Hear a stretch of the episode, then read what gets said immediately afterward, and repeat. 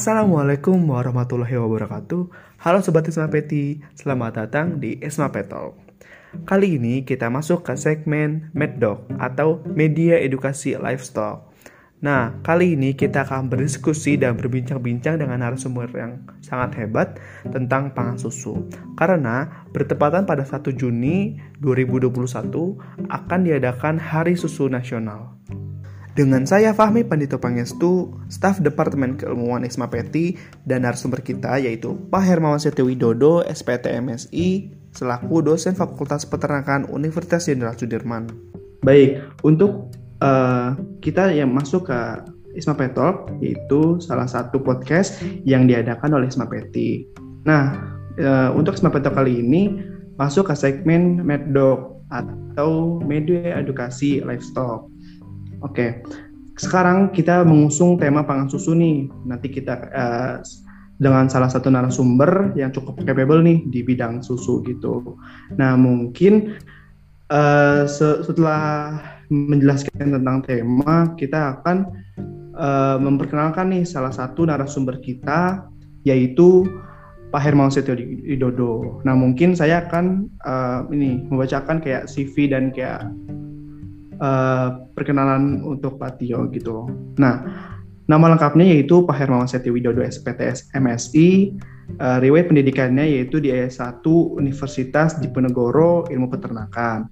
Nah, sama nih di S2-nya yaitu Universitas Diponegoro yaitu bidang ilmunya peternakan. Nah, beliau juga nih udah uh, memiliki beberapa judul-judul penelitian, judul uh, dan pengabdian masyarakat. Nah, mungkin tanpa berlama-lama lagi yaitu mempersingkat waktu kita panggil nih Pak Tio yaitu salah satu dosen di Universitas Jenderal Sudirman. Assalamualaikum Pak Tio. Halo, waalaikumsalam warahmatullahi wabarakatuh. Selamat selamat hari selamat hari baik semuanya. Oke.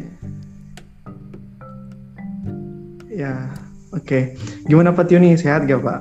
Di di lagi pandemi-pandemi gini. Iya, alhamdulillah sehat terus karena tentunya kita harus uh, mengonsumsi pangan yang baik ya. Salah satunya susu itu jadi memang nanti akan kita bahas juga. Jadi memang susu merupakan salah satu pangan yang ternyata juga bisa menghasilkan beberapa komponen uh, nutrisi yang spesifik bisa menjaga imunitas tubuh. Gitu. Mungkin nanti kalau sempat dari pertanyaan teman-teman bisa kita ulas sedikit dari sana gitu. Silakan Mas Fahmi.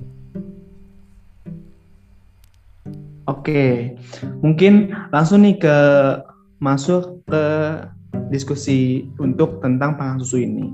Nah mungkin aku udah memiliki beberapa pertanyaan Pak Tio nih, yaitu uh, mungkin kan susu nih banyak nih, kayak misalkan susu ini kayak digemari banyak orang, terus susu itu kayak sekarang tuh udah kayak ini uh, lifestyle untuk beberapa orang yang mungkin kayak lagi diet atau emang lagi kayak suka sama susu yeah. atau emang lagi uh, apa lagi uh, menggunakan pola hidup sehat gitu mm. dengan meminum susu. Nah, mm. pasti kan di di lapangan nih pasti banyak nih susu. Tapi kan susu punya beberapa beberapa apa ya beberapa spesifiknya gitu. Nah, mungkin Pak Tio nih boleh nih uh, sebagai basic atau pengantar di podcast kali ini kenali dong susu tuh menurut ilmiahnya ataupun menurut spesifik menurut dosen dari Patio ini apa sih susu itu gitu okay. bisa diperkenalkan sama para pendengar Isma Petok gitu oke okay. jadi ya jadi awalnya ya uh, untuk mengenal susu jadi jadi iya, pertanyaan dulu ya, susu susu atau air susu gitu kan? Susu, susu atau air susu gitu. Jadi dunia benar uh, ada pendapat yang bilang bahwa susu itu udah merupakan air susu jadi ada dua pendapat. Tapi intinya gini susu atau air susu ini merupakan uh, cairan ya kan? Cairan yang berisi nutrien dan yang harus kalian ketahui susu ini dihasilkan dari kelenjar mamari ternak ya kan? Ternak ruminansia jadi uh, jika kalian berbicara uh, bahan-bahan atau pangan yang seolah bentuknya cair, kemudian nutrien mengandung nutrien tinggi juga, namun tidak dihasilkan dari kelenjar mamari sebenarnya bukan susu gitu. Jadi kalau susu ini benar-benar produk atau uh, hasil metabolit ya kan, hasil metabolisme dari hasil biosintesis dari uh, kelenjar mamari khususnya ternak ruminansia karena kita bisa mengkonsumsi susu dari ternak ruminansia gitu. Walaupun demikian bukan berarti susu ini bukan uh, hanya dihasilkan ternak ruminansia, ternak monogastrik pun itu juga bisa menghasilkan susu namun uh, cenderung atau memang lebih banyak kita konsumsi susu dari ternak ruminansia. Jadi itu. Jadi uh, saya garis bawahi lagi, susu merupakan uh, cairan ya kan dan memiliki nutrien di dalamnya, nutrien yang tinggi dan ini dihasilkan dari uh, kelenjar memari ternak khususnya ternak ruminansia gitu. Oke oke, baik. Mungkin tadi udah dijelasin nih sama Pak Tio kayak basic-basic gimana asal dari susu dari apa, kenapa susu itu berupa cairan yang berwarna putih gitu, yang bisa dikonsumsi oleh manusia seperti itu. Oke, mungkin lanjut nih. Uh, tadi kan udah kenalin basic-basic dari susu nih. Soalnya uh, next pertanyaannya uh, kan tema kita pangan susu nih. Pangan susu kan suatu pangan dari hasil hewan ternak yang dikonsumsi oleh manusia. Nah, boleh kasih tahu nih Pak, uh, komposisi apa aja sih dari susu yang emang tuh diserap sama manusia gitu. Hmm. Soalnya kan uh, dari banyaknya kayak misalkan tagline tagline gitu pak, kan hmm. tagline tagline susu di apa? Susu di TV kan kayak ada protein, terus ada kalsium dan lain-lain yang hmm. sebagai uh, tagline di uh, apa produk susu. Nah mungkin secara ilmiahnya komposisi susu tuh apa aja sih pak gitu? Oke, jadi emang uh, sebenarnya gini kalau kita melihat komposisi nutrien ya namanya nutrien di dalam pangan itu sangat beragam jelas beragam. Dan sebenarnya antar pangan ini itu memiliki nutrien yang uh, apa komposisinya hampir sama. Pasti ada karbohidrat pasti ada protein gitu kan pasti ada lemak juga vitamin dan mineral. Pasti hampir setiap bahan pangan itu memiliki kandungan itu. Cuma uh, kualitas dan kuantitasnya itu bisa berbeda gitu.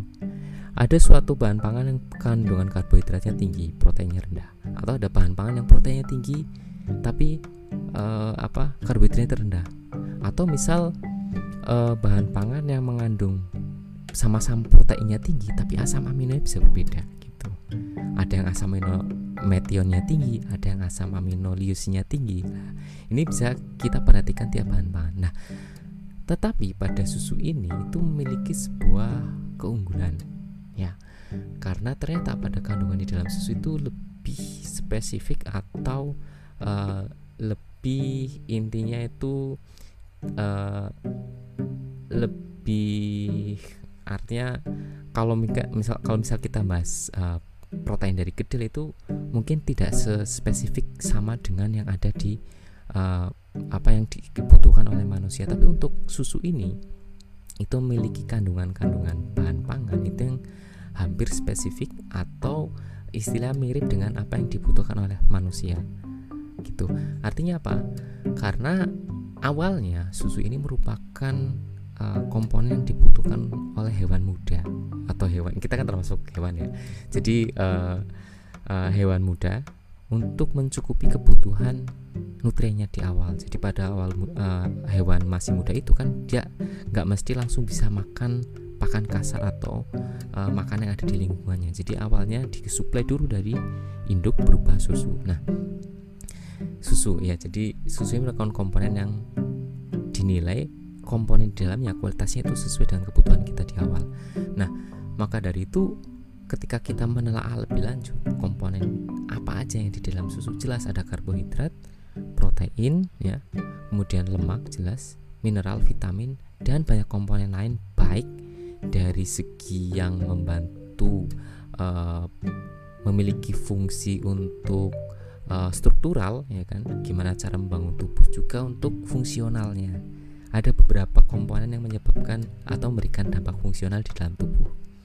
Nah kalau saya boleh jelaskan lebih spesifik lagi uh, di dalam susu itu sebenarnya uh, memiliki apa namanya uh, biological value yang tinggi juga. Artinya apa? Semua komponen tadi jika dikonsumsi atau dicerna di dalam tubuh hampir 90% itu akan diserap oleh tubuh dan dimanfaatkan oleh dalam tubuh artinya biologi, biological value-nya tinggi artinya ketika kita mengonsumsi susu dalam jumlah misal 100 gram maka hampir 98 nah 95 sampai 96 persennya itu bisa dimanfaatkan oleh tubuh dan sisanya akan dibuang. Nah, komponen apa aja yang spesifik di dalam uh, apa di dalam susu itu sangat beragam. Jadi kalau kita bahas tadi ada uh, kualitasnya, ada protein, lemak dan lain. Kalau kuantitasnya itu rata-rata.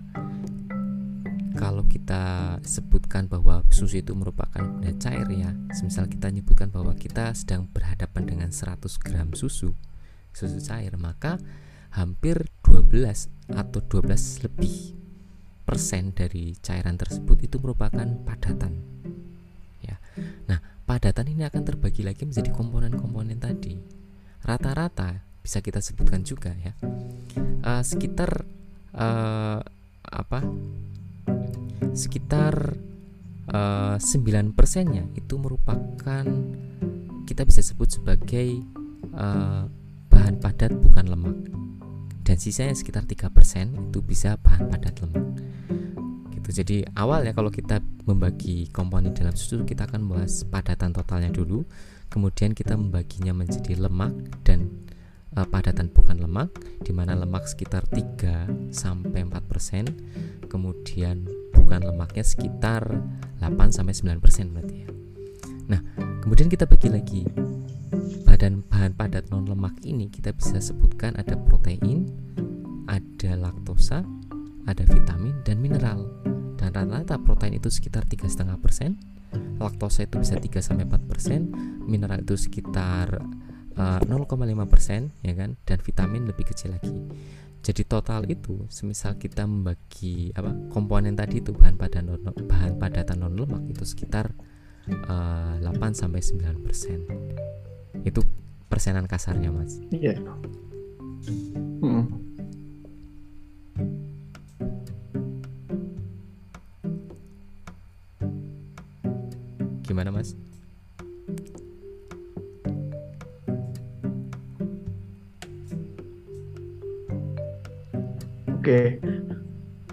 Mungkin tadi kan udah nih jelasin sama Patio yang uh, secara umumnya komposisi susu itu apa, misalnya tadi yang disebutkan kayak vitamin, lemak, hmm. uh, kalsium, karbohidrat. Nah, terus tadi ada kayak fun fact gitu nih yang mungkin didengarkan sama para pendengar maksud saya, para pendengar sama petol. Kayak itu 95% dari susu tuh pasti diserap sama tubuh dan 5% menjadi residu. Uh, Seperti itu bukan Pak? Iya betul.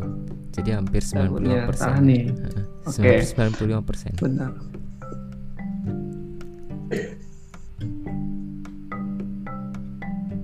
Ya. Ya. Mungkin tadi kan uh, jadi itu dari 95% tuh kita kayak punya fakta nih bahwa uh, si susu ini tuh benar-benar bermanfaat bagi tubuh bagaimana nutrisi nutrien-nutrien yang ada di susu itu bisa diserap sama tubuh. Nah, mungkin banyak nih di peternakan tuh pasti yang nyambung sama pertanyaan sebelumnya tadi yang kayak komposisi nih lanjut ke banyak di peternakan tuh bilang uh, bilang di tagline susu itu harus ada namanya susu asuh atau namanya aman, sehat, utuh dan halal. Nah, soalnya banyak nih mungkin anak-anak peternakan ataupun ataupun banyak kayak misalkan di tagline-tagline di di daerah apa di daerah daerah-daerah gitu kan bahwa susu itu harus namanya asu atau aman sehat atau halal. Nah, mungkin dijelaskan gitu Pak, bagaimana kenapa sih si tagline asuh itu benar-benar berpeng apa ya? Uh, benar-benar harus diterapkan di Indonesia di lingkungan masyarakat gitu. Kenapa asuh itu penting itu gitu pak? Oke, jadi memang asuh ini merupakan salah satu syarat di mana bahan pangan, jadi hampir semuanya bahan pangan hasil produk peternakan itu dianggap baik. Jadi asuh itu kan aman sehat utuh dan halal ya kan nah betul jadi di susu sendiri uh, komponen atau uh, parameter asuh ini harus terpenuhi untuk bisa dijual ke masyarakat. Itu aman itu artinya tidak ada apa namanya tidak ada benda yang beracun ya kan? Kemudian utuh itu semua komponen yang ada di dalam bahan pangan itu ada tidak ada penambahan. Kemudian uh, sehat sorry sehat. Sehat itu artinya uh, bahan pangan komponen di dalamnya memberikan kesehatan bagi konsumen utuh itu semua bahan pangannya di komponennya ada tidak ada penambahan dan halal halal itu berarti tidak ada uh, apa pelanggaran titik kritis ya kan di mana suatu bahan pangan itu menjadi bahan pangan yang non halal nah sejauh ini kalau susu jelas uh, selalu memenuhi hampir ya hampir selalu memenuhi komponen atau uh, nilai asuh itu sendiri ya kan? Karena memang uh, sejauh yang kita uh, ketahui bahwa uh, susu merupakan uh, sebuah produk ya kan dari dari sapi yang kemudian apabila kita cermati lagi hampir tidak ada uh, kalau kita nganggap susu segar ya susu segar itu hampir tidak ada proses pemalsuan di sana gitu. Susu segar yang dihasilkan dari sapi itu biasanya tidak akan dipalsukan kalau jika kalian langsung mengkonsumsi. Kalau kita membandingkan daging misal suatu saat semisal sapi sebelum disembelih pun ya kan itu bisa kita bisa nambahkan sesuatu. Kayak semisal uh, kita gelonggong misal nambahkan air itu kan berarti nanti menjadi melanggar uh, aspek asuh itu sendiri. Kalau susu oh, iya. uh, kalau susu itu kita nggak bisa ngelanggar apa pun di sana bahkan ya kan. Nah jadi menurut saya komponen yang paling baik itu dari asuh itu ya susu. Karena emang ketika keluar dari ambing sebelum kita ngolah ya itu sudah pasti benda yang tidak akan bisa kita apa namanya produk peternakan tidak bisa kita apa-apakan. Maksudnya tidak bisa kita palsukan dan ketika dikonsumsi langsung pun itu akan sangat baik. Gitu. Aman sehat usuh, uh, utuh dan halal. Nah maka dari itu untuk susu sendiri ini memiliki kekhususan dalam penanganannya gitu. Ya ini ABCD ABCD ABCD itu am, uh, uh, aman ya kan? Kemudian bersih kemudian cepat dan dingin. Artinya apa? Ini merupakan sebuah protokol agar susu itu uh, dapat memiliki kualitas yang baik terus. Aman itu artinya dalam proses pemerahan kita tidak menggunakan bahan tambahan tertentu yang menyebabkan komponen dalam uh, menyebabkan apa? Artinya ada benda-benda yang menjadi uh, nilai negatif pada susu dan konsumen. Kemudian ABCD bersih artinya itu ketika kita merah itu harus menggunakan alat-alat yang bersih ya kan sehingga susu yang dihasilkan masih murni kemudian cepat jadi prosesnya harus cepat baik dari proses pemerahan hingga pengiriman kemudian dingin dingin itu artinya storage atau proses tadi itu harus dalam kondisi dingin atau rantai dingin dari proses dari peternakan hingga koperasi atau dari in, bahkan ke industri pengolah susu harus kondisi dingin agar uh, bakteri tidak bisa tumbuh. Jadi ketika ABCD ini terpenuhi maka uh, sangat berkorelasi positif dengan asuh gitu. Oke oke. Hmm. Jadi uh, ya asuh tuh kayak standarisasi untuk produksi susu gitu ya pak? Ya, jadi, jadi standarnya so, gitu ya pak? Hmm, jadi untuk mencapai kualitasnya. Hmm, hmm, jadi seolah asuh itu merupakan kayak jargon ya, tapi jadi sebuah uh, parameter bahwa sebuah produk pangan itu uh, baik untuk dikonsumsi, tapi untuk uh, untuk susu sendiri sebenarnya bisa kita tambahkan ABCD tadi itu aman, bersih, cepat dan dingin untuk proses penanganannya sehingga uh, ketika ABCD ini diterapkan otomatis asuhnya juga akan berkorelasi baik ke sana. Oke, benar-benar. Oke, jadi itu banyak nih ilmu-ilmu yang didapat kayak tadi uh, asuh aman sehat itu halal dan ABCD itu aman hmm. bersih cepat, dan, dan dingin. Betul. Nah itulah Isma Petok yang mungkin uh, edukasi-edukasi yang dari susunya. Oke, mungkin selanjutnya nih. Uh, tadi kan udah nih pak kayak bahas-bahas basic kayak hmm. misalkan tadi kayak pengenalan susu, komposisi, hmm. terus kayak standarisasi dari kualitas susu, yeah. gimana cara proses pembuatan susu. Nah, mungkin uh, sudah tahu nih kayak misalkan udah tahu nih kompos eh misalnya seberapa penting sepenting susu bagi manusia tapi kenapa kayak misalkan setiap di Indonesia nih khususnya isu-isu misalkan kayak isu-isu kebutuhan eh, maksudnya maksud saya itu kayak kecukupan kecukupan susu di Indonesia. Kenapa? Menurut data gitu menurut data tuh Indonesia termasuk yang gak tinggi-tinggi banget tapi yang lumayan rendah gitu sih Pak. Dia tuh uh, banyak isu ini isu ini kayak udah udah kan kayak udah rahasia umum gitu sih. Rahasia umum ketika Indonesia itu kecukupan susu dan bahan pangannya gitu bahan pangannya itu rendah gitu nah, mungkin uh, ber, uh, kita bisa diskusi gitu pak mungkin dari bapak itu uh, gimana sih kenapa gitu gimana yeah. kenapa dan bagaimana gitu oke okay. oke okay, oke okay. Jadi kalau ke arah sana sebenarnya mungkin sedikit ngiklan ya. Jadi kalau teman-teman ini kan kita sudah masuk era MBKM yeah. ya. Mereka belajar kampus mereka jadi siapa tahu jadi teman-teman yang dari yeah. luar unsur uh, kalian bisa join di mata kuliah saya di Fakultas Peternakan namanya Industri Persusuan. Di sana kita membahas beberapa hal-hal menarik ya, termasuk di antaranya uh, permasalahan apa, kemudian potensi apa yang bisa kita gali dari industri persusuan di Indonesia, serta apa sih kira-kira potensi ke depan dan pengolahannya seperti apa itu nanti kita bahas di sana di industri persusuan itu menarik. Nah, uh, kalau kita nanti membahas hal ini tentunya uh, sangat kompleks sebenarnya uh, permasalahan baik dari sisi uh, on farm hingga sisi sosial budaya di masyarakat. Namun uh, saya pengen ngulas sebenarnya kalau uh, kita bahas potensi sebenarnya uh, kaitannya dengan produktivitas tadi itu banyak sekali hal. Jadi tadi kan saya sebutkan seperti awal itu bahwa komponen di dalam situ pasti ada komponen yang bisa membentuk tubuh kita serta bisa komponen sebagai sifatnya itu fungsional ya kan? Jadi ya kita udah tahu lah ya kalau misal protein itu kadang dari SD kita bisa sebut sebagai zat pembangun gitu. Nah uh, sebenarnya kita bisa jual banyak di sini.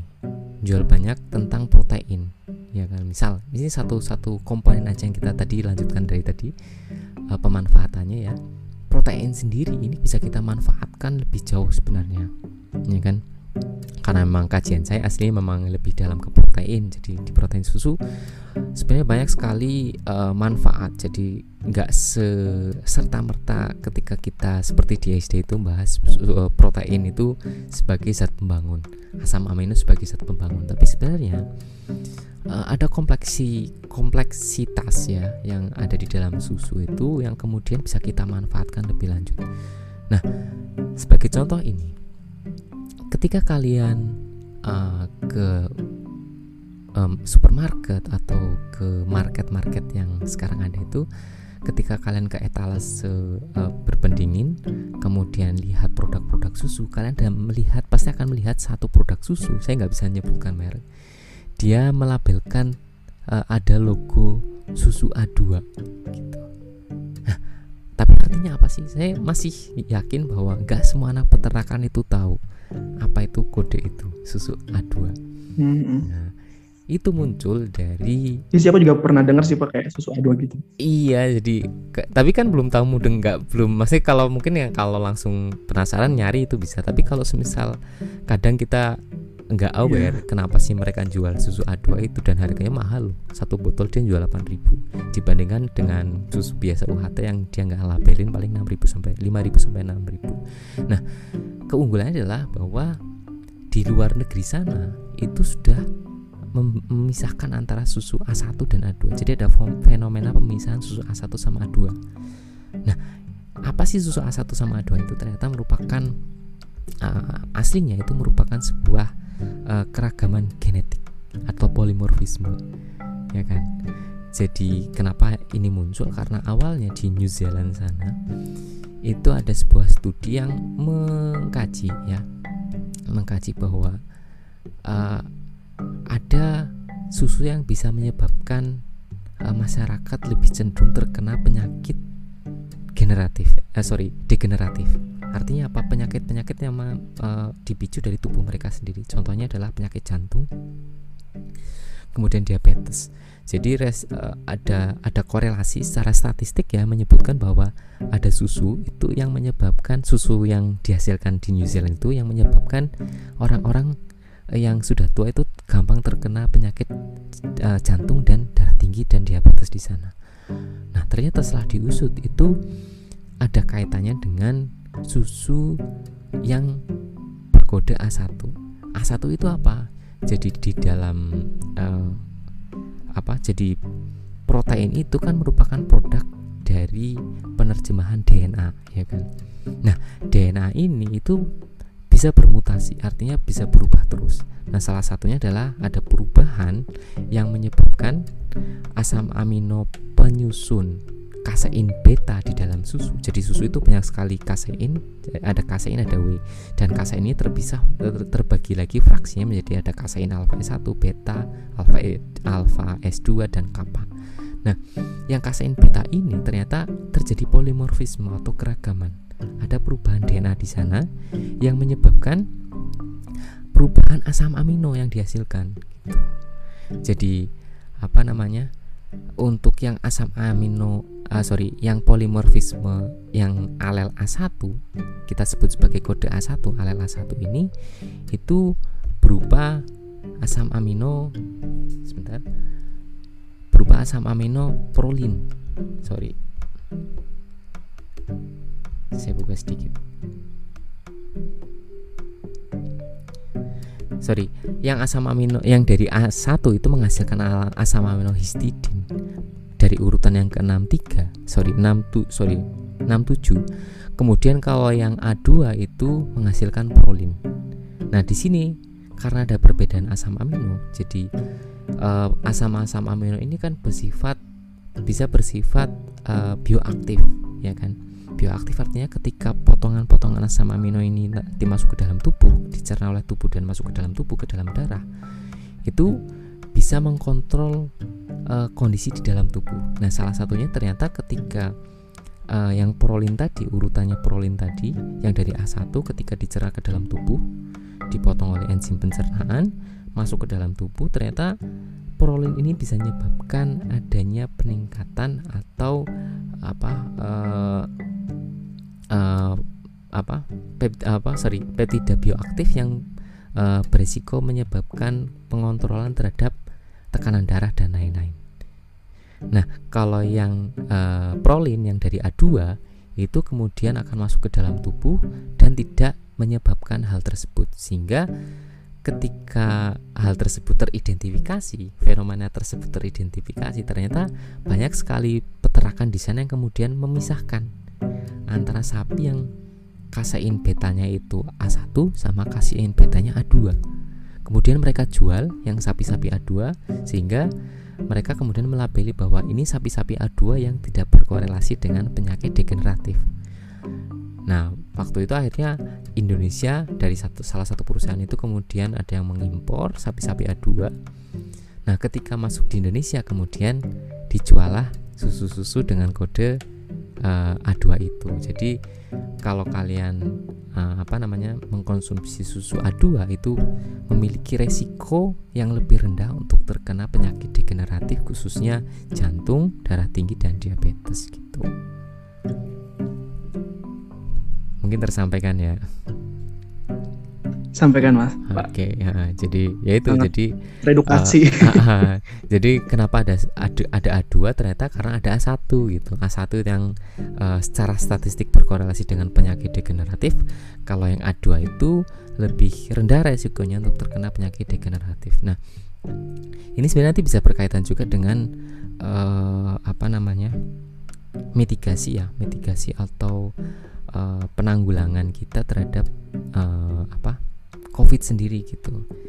Jadi COVID itu kan COVID itu itu kan kalau kalian menelaah lebih lanjut atau mesti belajar itu mereka uh, virus-virus COVID itu virus COVID itu akan menempel pada uh, reseptor AC atau angiotensin converting enzyme di dalam sel kita di permukaan sel kita sorry jadi virus uh, COVID itu bisa masuk ke sana nah sebenarnya banyak uh, susu ini susu ini ketika kita olah menjadi yogurt atau kita konsumsi secara langsung. Nah, protein-proteinnya tadi, asam aminonya ketika dicerna di dalam tubuh, kemudian dipecah-pecah, itu kadang akan uh, apa namanya? bisa ber apa istilahnya?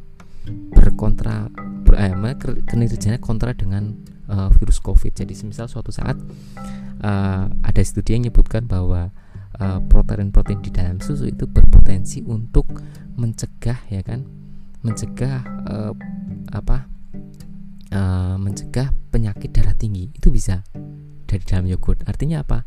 Ternyata uh, peptida tadi di dalam tubuh hasil pemecahan asam amino uh, pemecahan protein dari susu ketika masuk di dalam tubuh di, uh, diserap kemudian masuk ke sel apa nempel ke sel-sel kita itu bisa mengontrol agar uh, tensi di dalam tubuh itu tidak terlalu tinggi dengan mengontrol AC tadi itu AC. Nah, ketika AC bisa dikontrol oleh uh, apa uh, protein dari dalam susu tadi itu, otomatis mereka bisa saling ber apa uh, saling ber apa uh, isinya uh, uh, saling ber berpacu oh, bukan berpacu istilahnya saling bersaing ya saling bersaing antara bersaing antara virus covid dengan uh, protein yang nempel pada AC itu. Jadi suatu saat uh, bisa saja bisa saja ketika uh, kan COVID itu bisa masuk ke dalam tubuh dan menjangkit manusia itu kan gak cuma satu. Jadi harus ada viral loadnya dulu. Seberapa banyak virus yang bisa nempel di dalam tubuh kita dan masuk ke dalam saluran pernafasan. Nah ketika kita sering mengkonsumsi uh, ini secara teoritis saja. Uh, kita sering mengkonsumsi susu atau yogurt yang kemudian tadi bisa menempel di reseptor AC di dalam tubuh kita oh, itu ditutup oleh protein dari dalam susu maka virus yang semakin banyak pun khususnya COVID ya virus yang semakin banyak pun COVID itu ketika masuk ke dalam tubuh kemungkinan itu memiliki resiko lebih kecil untuk menempel di dalam sel tubuh kita dan masuk ke sel tubuh kita. Gitu. Jadi uh, artinya apa? Bisa kita korelasikan ya secara teoritis bahwa ketika kita mengkonsumsi yogurt atau susu bisa jadi berkorelasi negatif atau lebih resik lebih kecil resikonya untuk terkena virus COVID gitu itu bisa dikaitkan tapi secara saintifik itu kita belum bisa membuktikan karena membutuhkan studi yang lebih uh, lebih komprehensif gitu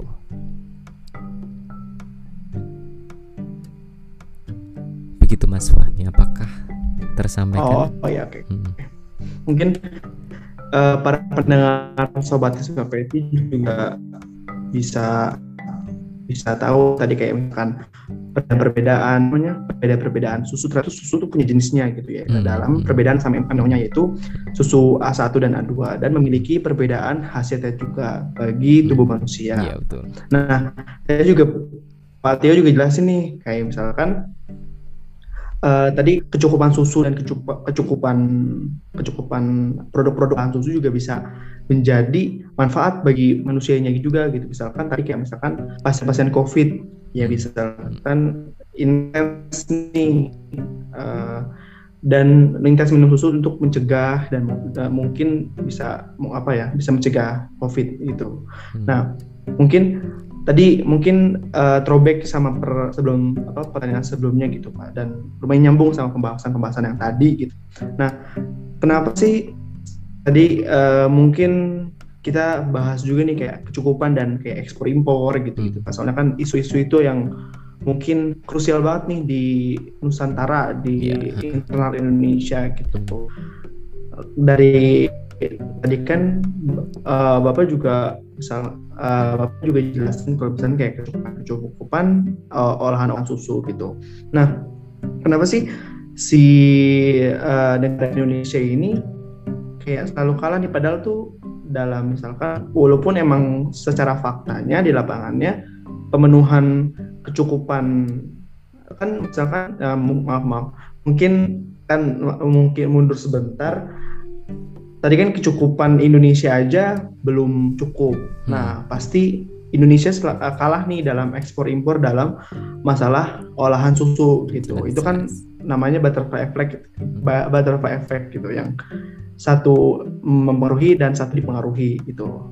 Nah mungkin Pak Tio bisa jelasin gitu, kenapa sih Indonesia tuh selalu isu ini tuh kayak udah udah tahu nih, udah tahu isu ini kayak gini, tapi eh, nggak uh, tahu ya ini nggak bisa menyalahkan siapa, tapi Indonesia tuh selalu berkutit sama bahan olahan susu yang pasti intinya kecukupan susu, kecukupan kebutuhan dan ekspor impor yang pasti uh, ekspor impor tuh yang selalu jadi intens Indonesia. Misalkan impor impor Indonesia yang misal impor Indonesia yang terlalu banyak dan uh, mem mempengaruhi nih sama peternakan-peternakan kecil peternakan-peternakan yang semi gitu yang uh, tidak terlalu besar terlalu kecil gitu.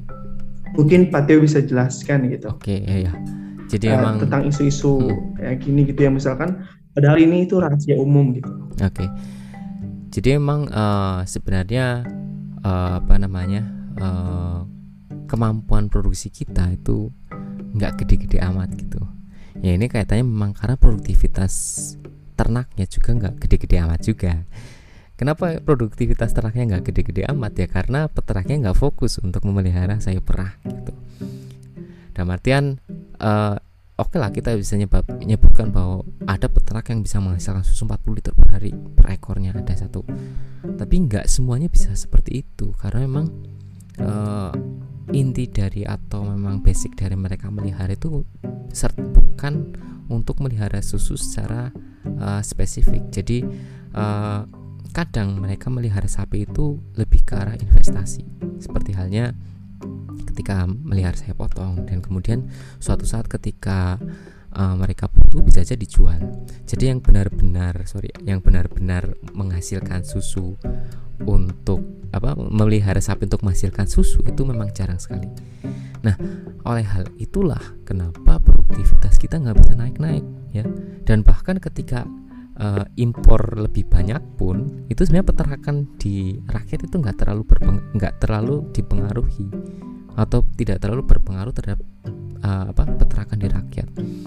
Jadi sebesar apa pun impor kita susu, kemungkinan peternak rakyat nggak akan terpengaruh karena semisal kita impor 80 80% pun ini saat ini peternak rakyat nggak terpengaruh tuh dalam artian uh, ketika tambah pun kayaknya mungkin nggak nggak di, apa mereka nggak akan uh, terkena dampaknya juga karena memang produktivitas mereka kecil. Nah maka dari itu intinya adalah ketika uh, permasalahan kompleks ini sebenarnya sangat kompleks jadi baik itu sosial budaya di masyarakat ya kan? Kemudian apa namanya uh, peternaknya sendiri dari awalnya memang bukan niatnya nggak untuk menghasilkan susu secara uh, intensif. Maka dari itu kuncinya adalah ketika kita ingin benar-benar meningkatkan produktivitas itu kita harus menyiapkan ya kan? Menyiapkan benar-benar uh, yaitu nanti kaitannya dengan modal dan lain yang tapi intinya model pemeliharanya sudah bukan yang seperti ini lagi. Harus bersifat industri atau dalam artian benar-benar yang intensif ya. Jadi mungkin uh, suatu saat ketika ingin membangun uh, apa uh, swasembada susu maka harus ada banyak sekali peternakan sapi perah yang memiliki populasi tinggi dan dimanage dengan baik. Seperti halnya uh, peternakan-peternakan di luar negeri itu yang uh, sapinya populasi 1100 tapi manajemennya baik. Kemudian sampai 1000 sampai 10000 dan dengan manajemen yang sangat strict. Nah itu nanti baru bisa memiliki uh, apa dampak terhadap uh, pemenuhan susu di Indonesia. Tapi untuk saat ini karena memang model di masyarakat itu ya seperti itu ya kan. Melihara satu ek, apa dua sampai tiga ekor atau maksimal 10 ekor lah 12 ekor. Rata-rata itu ya akhirnya kita nggak bisa memenuhi karena memang dengan pemeliharaan seperti itu ya nggak bisa secara intensif untuk menghasilkan susu yang tinggi gitu.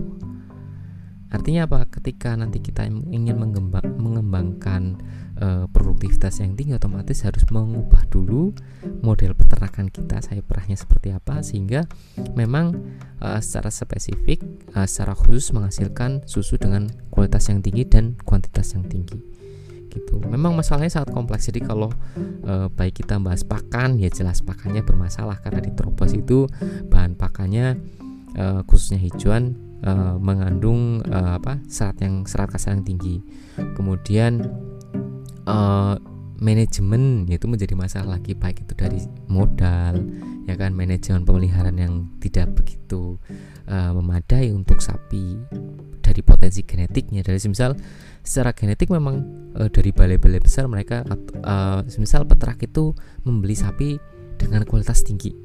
Kita catat ya kualitas tinggi artinya uh, track recordnya bagus. Jadi uh, induknya dari apa dari induk jantan dan betina itu uh, memiliki track record untuk menghasilkan susu yang tinggi sampai 40 liter misal.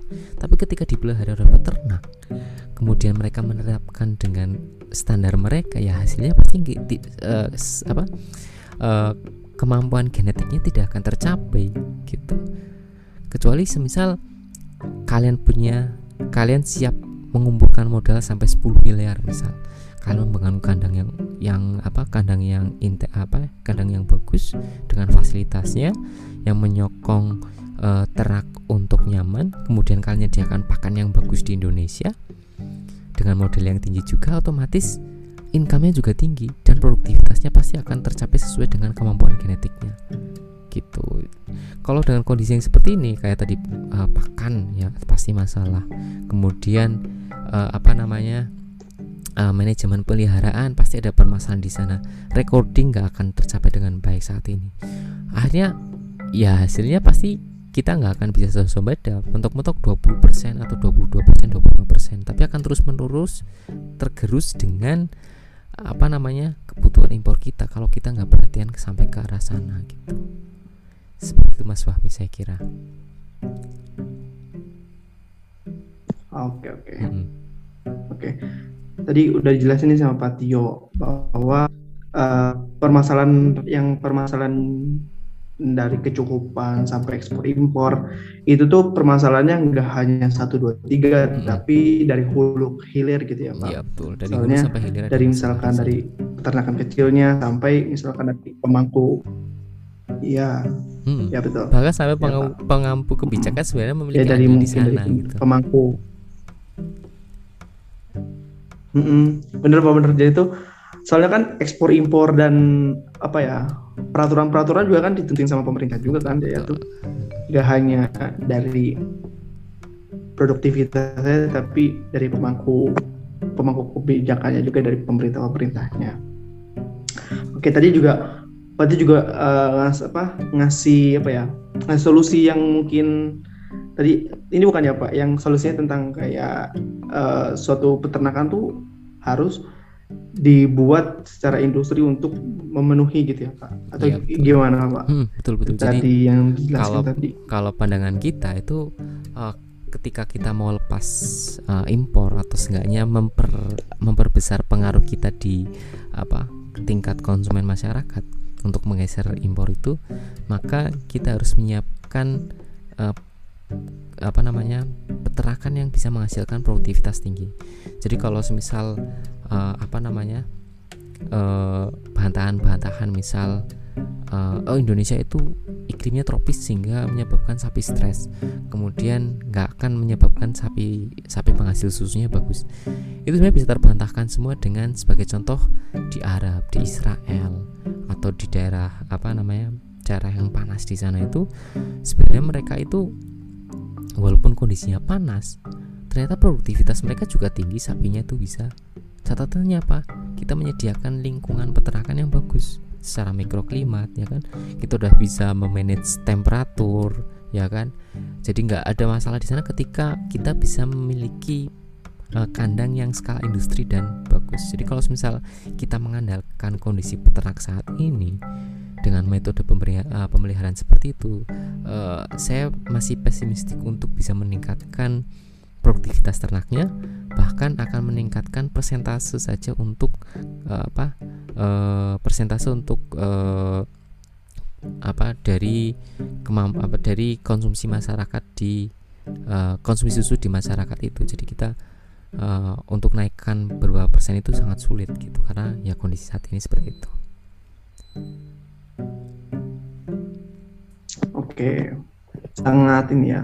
sangat insightful banget nih dari Iya, tapi mungkin uh, biar nggak biar nggak apa biar nggak terlalu lepas dari basic kita tadi menceritakan menceritakan mengenai biosintesis ya tapi memang uh, ketika kita bahas apa tadi hal-hal seperti itu memang sangat kompleks ya jadi kalau misal biosintesis pun ketika kita kaitkan ke sana maka sebenarnya yang kita bahas biosintesis yang uh, secara teoritis sangat bagus itu nggak akan teraplikasikan dengan baik ke uh, kondisi yang saat ini untuk menghasilkan uh, apa untuk menghasilkan outcome tadi itu uh, suasembada daya susu dan lain-lain oh, gitu. gitu. Mm -mm. Oh iya benar-benar. Jadinya secara disimpulkan bahwa walaupun teorinya gini, misalkan teori biosintesis, teori kayak yang tentang ternak itu, walaupun lingkungan dari Indonesia-nya ataupun lingkungan dari lingkungan bagaimana kita beternak, bagaimana peternak memproduksi itu aja, kurang pasti ada aja problem yang dihasilkan gitu ya Pak. Iya, betul ya, itu sangat, ya jadi sangat banyak lah di sana. Jadi untuk apa uh, kebijakan pokoknya dari hulu sampai hilir itu sangat ada uh, ya bukan sangat ada pasti ada permasalahan yang menyebabkan uh, kita nggak bisa berkembang gitu. Atau sangat rendah perkembangannya.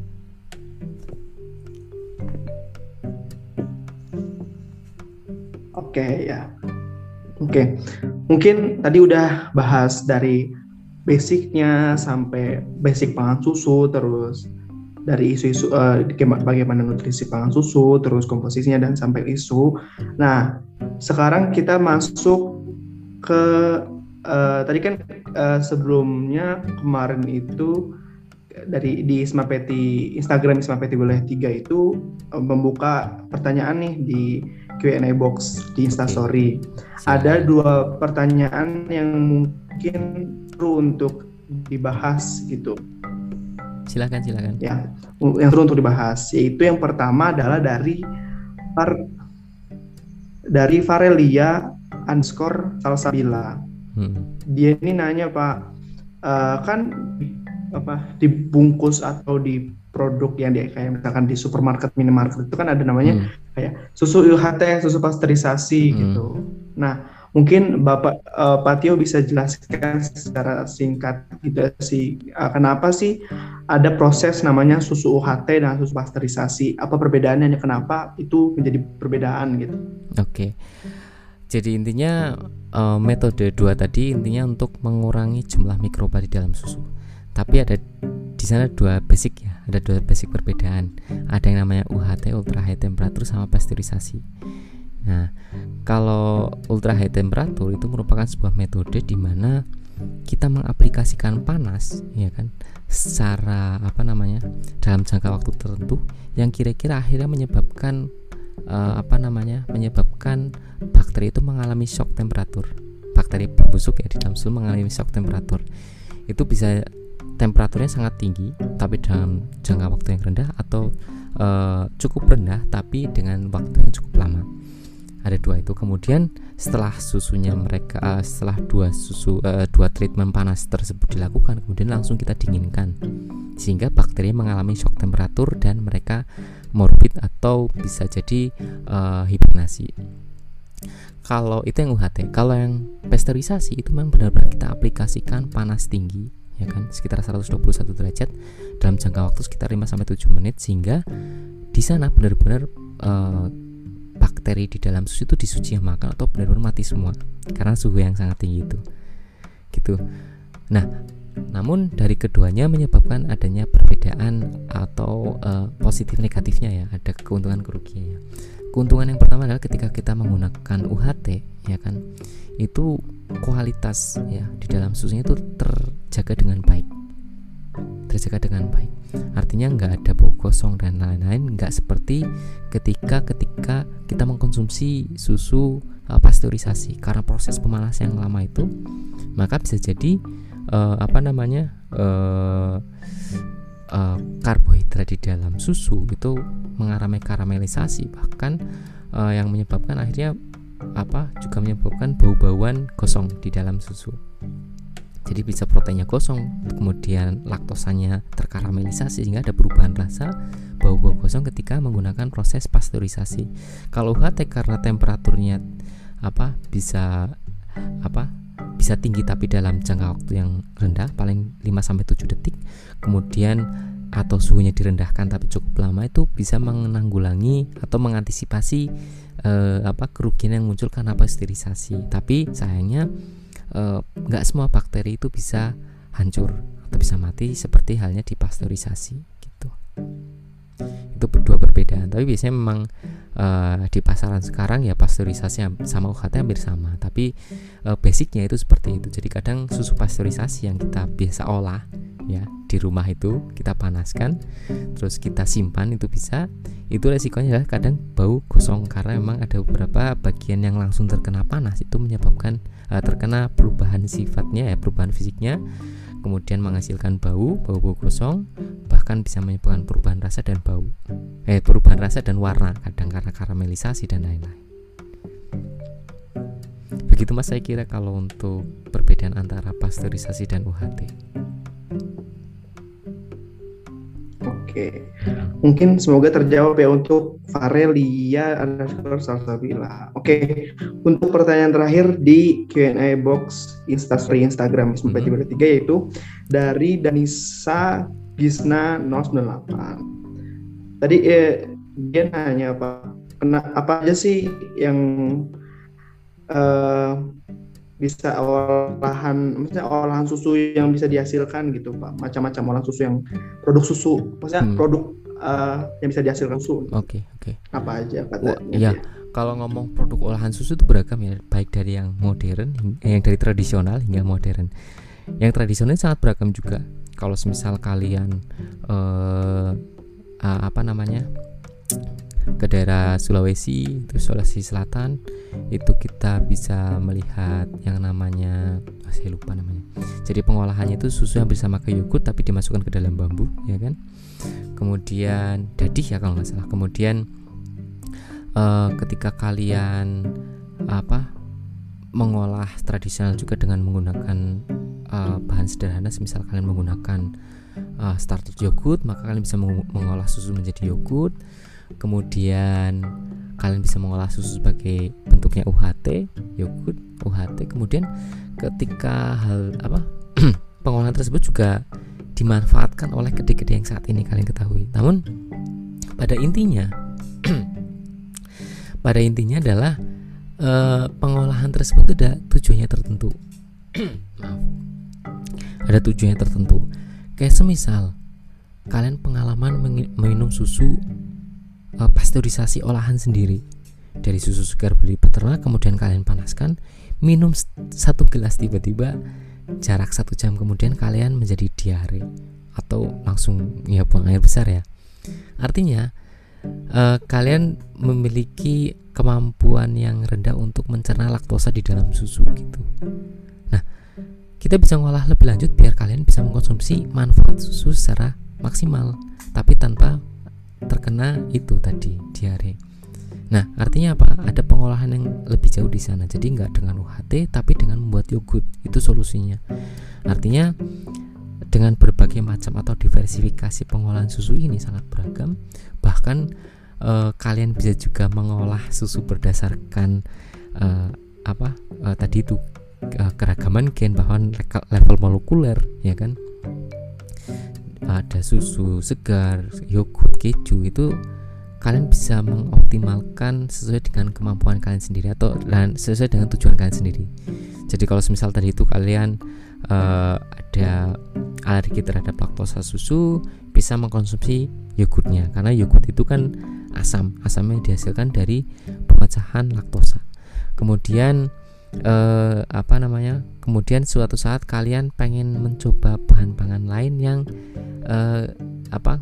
Dengan cita rasa lain yang sedikit uh, asin. Kalian bisa menggunakan yogurt. Atau pengen yang sedikit beralkohol ya kan? Ya uh, pengolahan lain kayak yogurt tapi sedikit beralkohol bisa menggunakan kefir. Atau semisal kalian pengen yang sedikit rasa pahit-pahitnya seperti yogurt tapi ada pahit-pahitnya bisa mencoba yang dari Sulawesi tadi. Jadi kalau nggak salah saya namanya itu jadi beragam sekali dari produk uh, olahan tradisional hingga yang modern ya kan bisa kalian gunakan dan ini sesuai dengan kebutuhan kalian apakah ingin mengkonsumsi produknya secara langsung uh, manfaatnya secara langsung dalam bentuk segar atau bahkan olahan yang diolah menjadi bahan pangan lain itu bisa. Jadi sangat beragam manfaat susu itu, ya kan? Uh, bahkan uh, fraksi-fraksi komponen tadi bisa kita pisahkan lemaknya sendiri, kemudian kaseinnya sendiri, laktosanya sendiri itu bisa kita olah lagi sampai level di sana itu gitu. Gitu. Jadi sangat beragam baik dari pengolahan produknya atau bahkan pengolahan komponen itu sendiri kita bisa kita manfaatkan lebih lanjut. Seperti itu Mas Fahmi.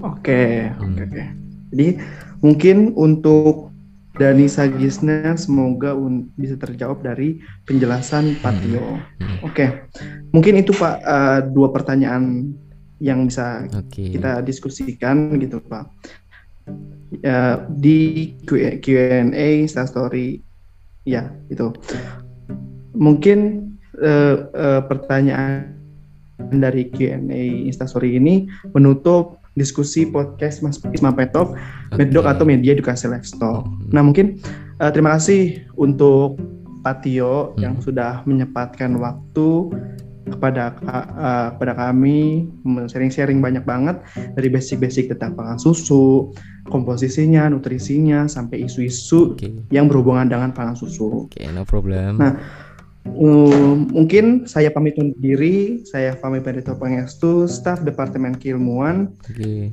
Uh, undur diri. Assalamualaikum warahmatullahi wabarakatuh. Waalaikumsalam warahmatullahi wabarakatuh.